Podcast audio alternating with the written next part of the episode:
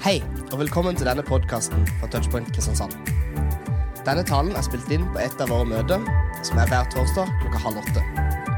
Yes, Dere kan vi ikke gi lovsangsteamet en solid applaus? For en åpning. For en gitarsolo. Det var helt nydelig. Det er så deilig når eh, det dunker såpass i bassen og i brystet, sånn at hjertet hopper over noen slag der. Det er veldig bra. Da er det god trøkk. Det, mitt navn er Marius Hodne. Jeg jobber som ungdomspastor her i kirka. Jeg er gift. 26 år, hvis jeg husker riktig. Og så har jeg en liten gutt hjemme på ett og et halvt. Det var noe med. Men jeg er ungdomspastor, og det betyr at eh, jeg har ansvar for eh, ungdomsskoleelever, videregående elever, men av og til får jeg lov til å snike meg inn på touchpoint og være her. Det setter jeg pris på og har gleda meg til å være sammen med dere i dag. Eh, på Touchpoint er vi nå inne i en taleserie som heter 'Jeg er med'.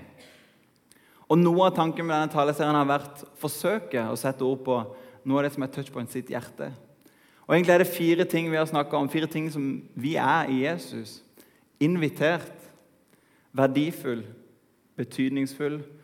Og I dag skal vi forsøke å avslutte taleserien og snakke om engasjert engasjert. Før jeg sier noen ting mer, så har jeg lyst til å be en bønn. Herre Jesus, takk for at når vi samles til Touchpoint, så samles vi om det. Det er det det handler om, Herre Jesus, og det er det vi ønsker å høre fra. Takk for at ditt ord det skaper. Og så har jeg lyst til å be om at ditt ord skal få lov til å skape noe nytt i våre liv. Herre Jesus, møt oss der vi er, for vi ønsker å høre fra deg. I Jesu navn. Amen. Jeg vet ikke hva du tenker når du hører ordet 'engasjert'. Noen får kanskje litt sånn positive assosiasjoner, mens noen tenker at det høres litt slitsomt ut. Og det er helt greit. Eh, det klinger litt forskjellig, men for min del så elsker jeg engasjement. Og personer som har høyt engasjement, det er jo bare fantastisk. Det er fascinerende, og det er litt gøy. Og det er litt sånn at Hvis engasjementet bare er stort nok, så spiller det egentlig ikke noen rolle hva de snakker om. Jeg kunne ikke brydd meg mindre noen ganger, men bare fordi de er engasjerte, så er det litt gøy å følge med likevel.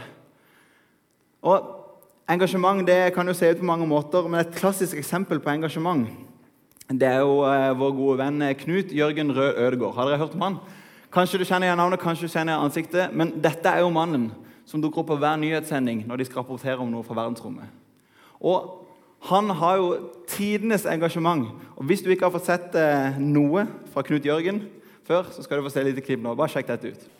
Der! Det hvite blaffet der, det var den suverent kraftigste spreng som vi noen gang har sett i vårt solsystem. Den blåste ut en sky med superrett gass med 8,3 millioner km i timen. Det er jo herlig.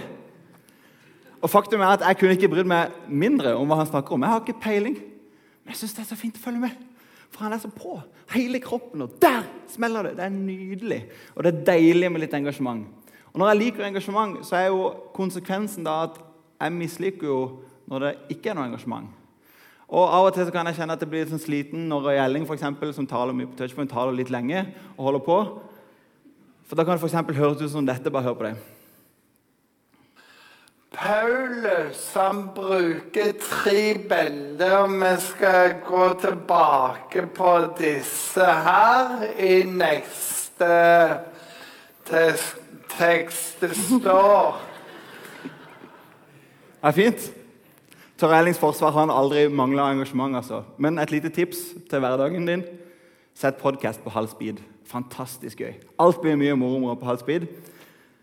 Eh, vi skal forsøke å si noe om engasjert. Og som jeg sa, så er det kanskje noen av dere som syns det høres litt slitsomt ut. Men engasjementet tar ulike former. Faktum er at vi er alle engasjert for noe. Altså På et eller annet punkt så er det noe som engasjerer oss, eller noe vi engasjerer oss av. Om det er yrket mitt, fagfeltet mitt, hobbyen min, det jeg interesserer meg for, fotballaget mitt. Vi har noen ting som engasjerer oss. Det er felles for oss alle, selv om det ser litt ulikt ut. Jeg vet ikke om du har tenkt over hva ordet 'engasjert' egentlig betyr. Og Det har du sikkert ikke, men jeg skal nerde litt for deg nå. For det at engasjement holder fast, det bygger egentlig på fransk. Nå vet du det, jeg har lært noe i dag, det er veldig fint. Det bygger på fransk, og så er det sånn at En, altså begynnelsen av ordet, det betyr i. Og gaché, ja, det hørtes fransk ut, veldig bra. Det betyr en pant. Eller egentlig godt forklart så betyr det engasjert er noe du setter verdi på. Altså noe du investerer noe i, noe du tillegger en slags verdi. Og fordi at det har en verdi for deg, fordi du investerer i det, så blir du engasjert. Gir det mening? Du har en slags eierskap til noe. Og det er egentlig det engasjement handler om. Og det gir jo for så vidt mening. Og så har jeg lyst til å si at Når jeg skal snakke om engasjement i dag, så er det ikke sånn at min tanke er at liksom, nå skal du bli den mest entusiastiske personen som noen gang fins. Det er liksom ikke målet at vi skal bli Knut Jørgens, alle sammen. Men jeg har lyst til å snakke om engasjement, fordi at engasjement er veldig mye mer enn entusiasme og energi. Engasjement handler egentlig om noe på dypet av mitt liv. Og Vi skal forsøke å ikke liksom bare berøre overflaten av ja, jeg er engasjert, ja, jeg er entusiastisk og jeg veiver med armene og syns alt er kult og bra. Det er ikke der vi er. Men vi skal forsøke å gå litt grundigere til å snakke om hva er det egentlig jeg tillegger verdi i mitt liv. Altså, Hva er det egentlig som er viktig for meg i mitt liv? Hva er det egentlig jeg dypest sett investerer i? Hva er det som er viktig for meg? Hva er det som er mitt livsprosjekt? Det kan vi forsøke å si noe om. Og så eh, sier Jesus noe om dette. da? Om det å være engasjert, eller det som vi kanskje tillegger verdi. Vi skal ta og lese fra Bergprekenen, en av Jesu mest kjente taler. og Der sier han noen ting. I kapittel 6, fra vers 19, så skriver han dere skal ikke samle skatter på jorden, hvor møll og mark ødelegger, og hvor tyver bryter inn og stjeler. Men dere skal samle skatter i himmelen, der verken møll eller mark ødelegger, og tyver ikke bryter inn og stjeler. For der skatten din er, vil også hjertet ditt være. Det er sikkert mye jeg kunne sagt både om denne teksten og om engasjement, men jeg skal forsøke å holde det til tre ting. Tre ting som forhåpentligvis kan ha betydning for oss. Og Det første er dette engasjert i min tro. Altså, Ved første øyekast, de versene vi leste nå Det høres jo egentlig ikke ut som det handler om engasjement. Altså samle skatter i himmelen, ikke på jorda. Hva betyr det egentlig? Men Jesus han forsøker egentlig å gjøre et ganske enkelt poeng. Jesus vet at vi alle er engasjert for noe. Om det er fotballaget, om det er United, Liverpool Vi er engasjert for noe. Og engasjementet i seg sjøl er jo fantastisk. Og så utfordrer Jesus og sier han, engasjementet, det må du ha. Men det er forskjell på hva vi engasjerer oss for. Og Det går an å engasjere seg for ting som er midlertidig. Ting som kanskje er mindre viktig enn andre ting. Jesus utfordrer til å fokusere vår engasjement, vår energi, min investering til det som faktisk har betydning. Vi bruker dette ordet skatter. da. Og skatter på jorda, jeg vet ikke helt hva det kan være. Kanskje det kan være pengene dine, jobben din, jeg vet ikke, studiet ditt, karrieren din. Hva enn du legger verdi i. Jesus' poeng er at våre skatter, det som vi syns faktisk er utrolig viktig, det må være noe som bærer i lengden. Ordet 'skatter', som står her, det er brukt 17 ganger i Det nye testamentet. Nå skal jeg nære litt til for dere. 17 ganger totalt hele Nytestamentet, men ni ganger kommer det her i Matteusevangeliet. Altså 9 av 17. Det er ganske mye. Og på en måte kan det virke som at Matteus, som har skrevet Matteusevangeliet, han er sånn ekstra opptatt av dette med skatter. Og Hvis du kjenner til historien om Matteus, så har han en litt sånn annen historie enn alle de andre disiplene til Jesus. For veldig mange av de kom fra enkle kår. De var fiskere eller noe sånt som det. Men Matteus han var toller. Og med andre ord så betyr det at han var faktisk svært rik. Altså, Matteus sin jobb det var å ta penger fra folket sitt og gi det til romerne som hadde okkupert landet. Litt sånn Quisling-jobb, men han tjente enorme penger for å tjene på romernes vegne. Så Matteus var sannsynligvis svært rik, hadde masse penger. og Hvis det var noen som visste hva disse jordiske skattene som Jesus prater om, så var det Matteus, for han hadde alt han kunne tenke seg. Men så kommer det til et punkt når vi leser i Matteus evangeliet, hvor Matteus møter Jesus første gang. Og så forvandler det Matteus sitt liv totalt. Og så står det at han forlot tollboden for å følge Jesus. Og Dette med skatter dukker som sagt opp mye. og så er det akkurat som at Matteus visste at det fins noen skatter som har litt sånn midlertidig verdi, men det fins noen andre skatter som er viktigere. Matteus har erfart at eh, alle de pengene jeg kan tjene, det holder bare så og så lenge. Men han forlot det han hadde, for å følge en skatt som var mye større, nemlig Jesus sjøl. Jesus han sier at skattene våre, det vi holder som viktig, det som er vårt dype engasjement, da, det vi tillegger verdi, det jeg investerer mitt liv i, det som kanskje er mitt livsprosjekt, det sier noe om oss. Og det er sånn at Ofte kan livet vårt satreres rundt masse forskjellig.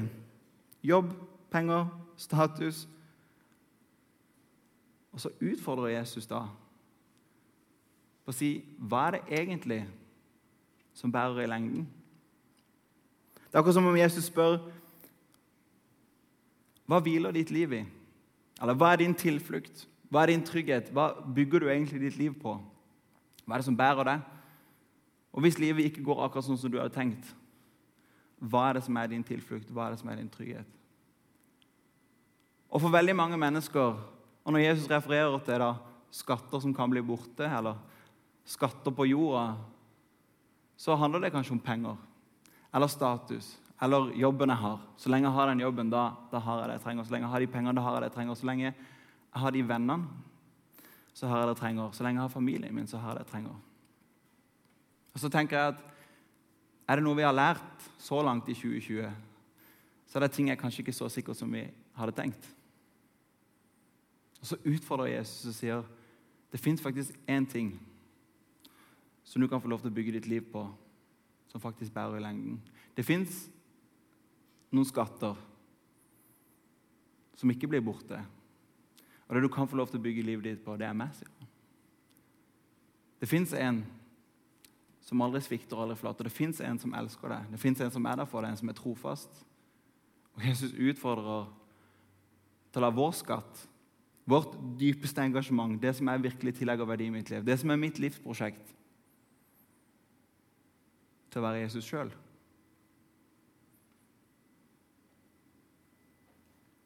Mitt grunnleggende engasjement, min hengivenhet, mitt livsprosjekt, det som er viktig for meg, det er dypest sett tillegger verdi og lever for. Det kan være Jesus. Han utfordrer oss til det. For det er ikke noe midlertidig, men det er noe evig, det er noe varig. Og Matteus har erfart at det gjør oss kanskje ikke rikere på penger, men det gjør meg rikere på fryktelig mange andre ting.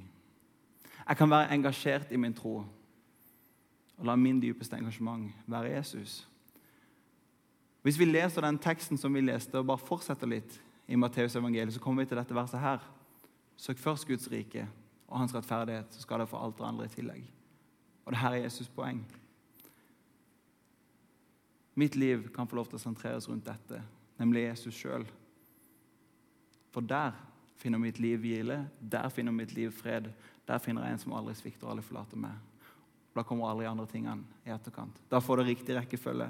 Og Jesus sier, 'Jeg ønsker å være der for deg'. Jeg kan være engasjert i min tro. Og det neste jeg har lyst til å si, at vi kan være engasjert i vår tjeneste. Min første bil det var en gammel Opel Corsa. En litt sånn sammenkrøka, knøtta bil. Den betalte jeg 5000 kroner for. Og for å være ærlig, Det er det beste kjøpet jeg noen gang har gjort i mitt liv. Det var helt fantastisk. Den varte, den varte ikke så lenge. da. Den varte et halvt år før jeg måtte liksom, eh, bli kvitt meg med den. Men det var helt konge. Det var nydelig. Og det som var med den, Jeg hadde bare betalt 5000. Det var ikke så nøye. Det var faktisk sånn at Hvis det satt folk i baksetet, så måtte de ut av bilen når vi skulle over en fartsdump. For hvis ikke så bare zoom, rett nedi sånn og skrapte hele bilen. Så de måtte ut, og så gikk de inn igjen på andre sida av fartsdumpen. Det var nydelig. Det som var så deilig med den bilen, det var liksom ikke så farlig med den bilen. Altså, Det spilte ikke så mye rolle, for jeg hadde ikke betalt så mye for han. Jesus han sier i det verset han vi leste, at for der skatten din er, der vil hjertet ditt også være.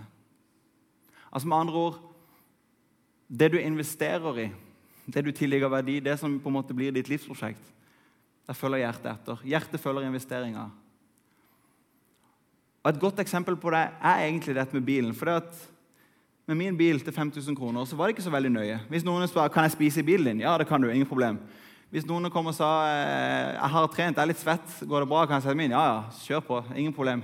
Hvis noen var blaute de hadde bada på sommeren, hiv det inn i bilen. Ikke noe problem. Det går fint.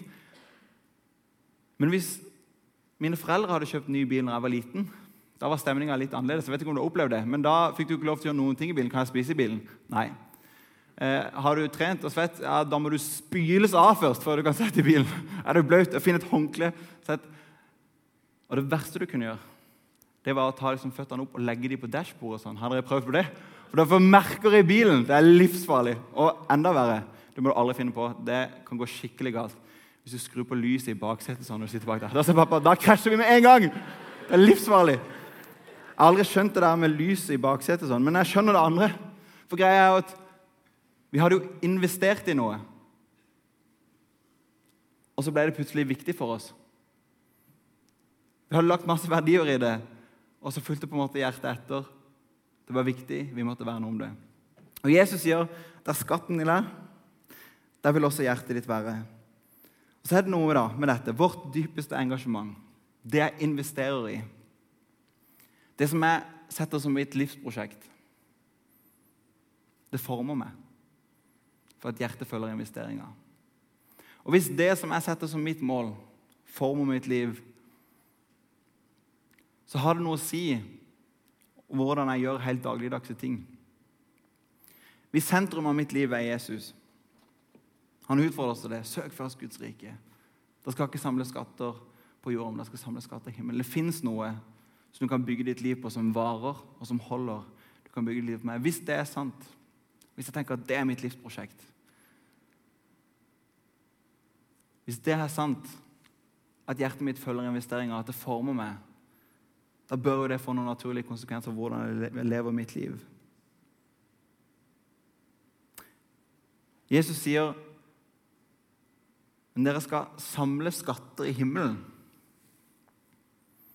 Og Det er kanskje ikke sånn intuitivt å skjønne hva, hva betyr egentlig det. da, dere skal samle skatter i himmelen. Men når vi leser teksten, og liksom sammenhengen, så er det ganske tydelig at Jesus han mener du kan gjøre noe nå på jorda som har liksom betydning for evigheten.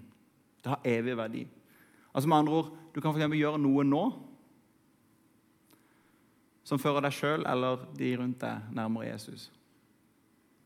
Samle skatter i himmelen. Og Jesus han utfordrer oss fordi at det vi bruker vår tid på, det vi bruker våre krefter, det som er vårt dypeste engasjement, der jeg investerer, det former mitt liv fordi hjertet følger etter. Han utfordrer oss og inviterer oss til å bruke vår tid og våre krefter på noe som former meg i riktig retning. Hvis det er mitt mål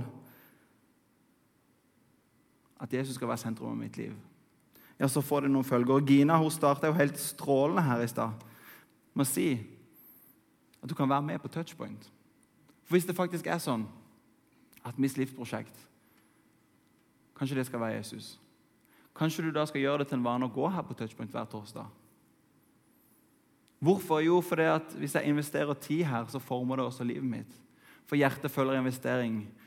Og torsdag for torsdag så former seg mer og mer etter det som er mitt livsprosjekt. Etter det som er sentrum av mitt liv. Kanskje er det sånn at jeg faktisk skal bli med i en sånn Connect-gruppe. En smågruppe. Hvorfor? Jo, for vi deler jo tro og liv, og det former meg. Over tid så leder det meg i den retninga som jeg har tenkt at jeg vil gå. Kanskje er det sånn at jeg faktisk skal bli med i en tjeneste. Hvorfor? Jo, jeg investerer mine tid og mine krefter, og hjertet følger etter. Og så er det sånn at hvis du er med på touchpoint, så blir det ikke lenger de på touchpoint, det blir vi på touchpoint. Hvorfor? Jo, fordi hjertet følger med. Og så gjør det noe med oss. Det former oss. Kanskje er det sånn at jeg faktisk skal tørre å bli med på det der givergreiene. Hvorfor? Jo, fordi jeg investerer i noe. Og da får det betydning for meg. Det former meg for hjertet følger investeringer der. Ligger det noe som Jesus utfordrer oss på?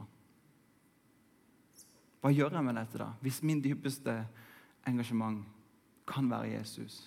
Jo, så får det noen følger for hvordan jeg setter opp, hvordan jeg bruker min tid, hvordan jeg bruker mine krefter.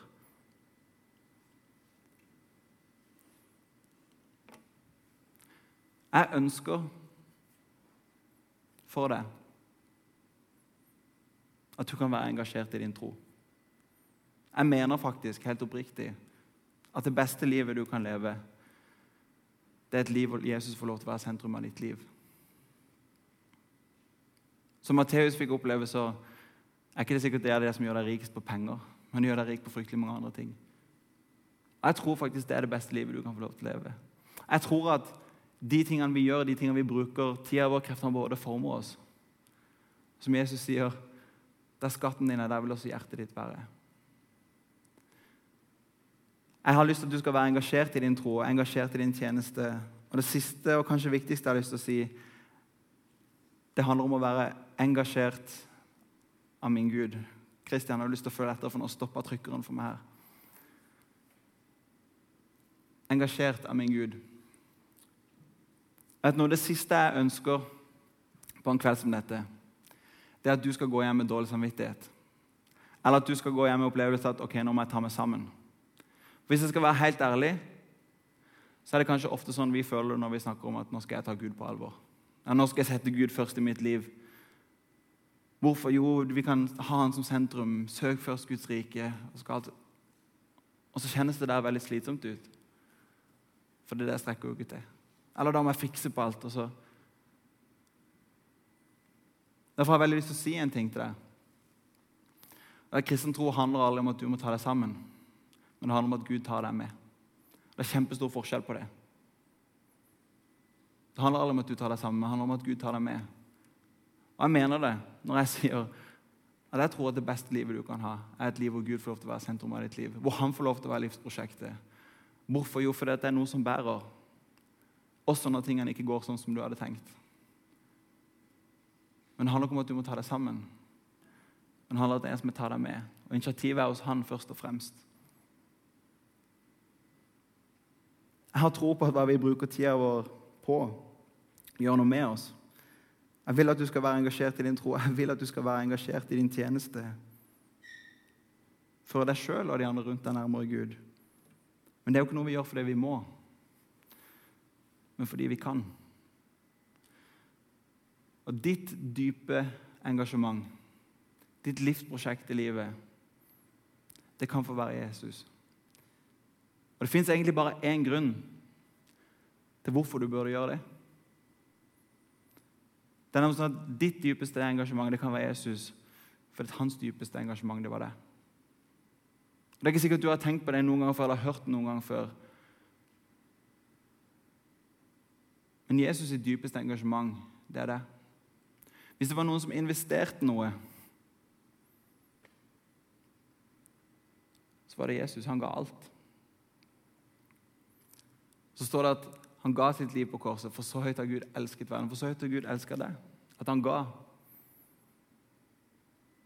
Og så tenker jeg Det fins en som har gitt alt. En som er engasjert i himmel og jord. Får lov til å være med deg.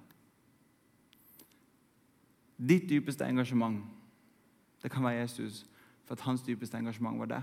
Det fins en som elsker deg, og det fins en Gud som er der for deg. Det fins en Gud som ønsker å leve et liv sammen med deg. Og Det betyr at når Jesus døde på korset og sto opp igjen, så er det sånn at det som er din fortid, det som er dine feiltrinn, det trenger ikke å definere din framtid. Hvorfor? Jo, for det finnes en Gud som ønsker å gi deg tilgivelse. En ny sjanse, en ny start, så kan du få lov til å leve et nytt liv sammen med Han. For at hans dypeste engasjement, det er det. Han har lyst til å ha deg med. Jeg vet ikke hvordan alt dette lander hos deg, eller hva du tenker. Men jeg har to helt konkrete utfordringer som jeg har lyst til å gi. Og Den første utfordringa går egentlig til deg som kanskje kjenner at min, mitt dypeste engasjement, mitt livsprosjekt, det har kanskje vært litt sånn utydelig i det siste. Det har vært litt off. Ofte er det jo sånn at man har kanskje et ønske om at Jesus skal få lov til å være sentrum av mitt liv. Men hvis jeg skal være ærlig, så er det ikke alltid det er sånn. Og så har jeg lyst til å utfordre deg til at kanskje i dag kan være kvelden hvor jeg kan få lov til å bestemme meg på nytt At Jesus det er du som er mitt dypeste engasjement. Det er du som er mitt livsprosjekt. Det er du som jeg ønsker å sentrere mitt liv rundt. Og så vet du mye bedre enn meg hvordan det ser ut. Du vet hvilke valg som da må tas. Du vet hvilke prioriteringer som da må gjøres. Det vet du mye bedre enn meg. Men jeg vet hvor det starter hen. Og det starter med at jeg kan få lov til å komme til Jesus og be en bønn. Gud, her er jeg.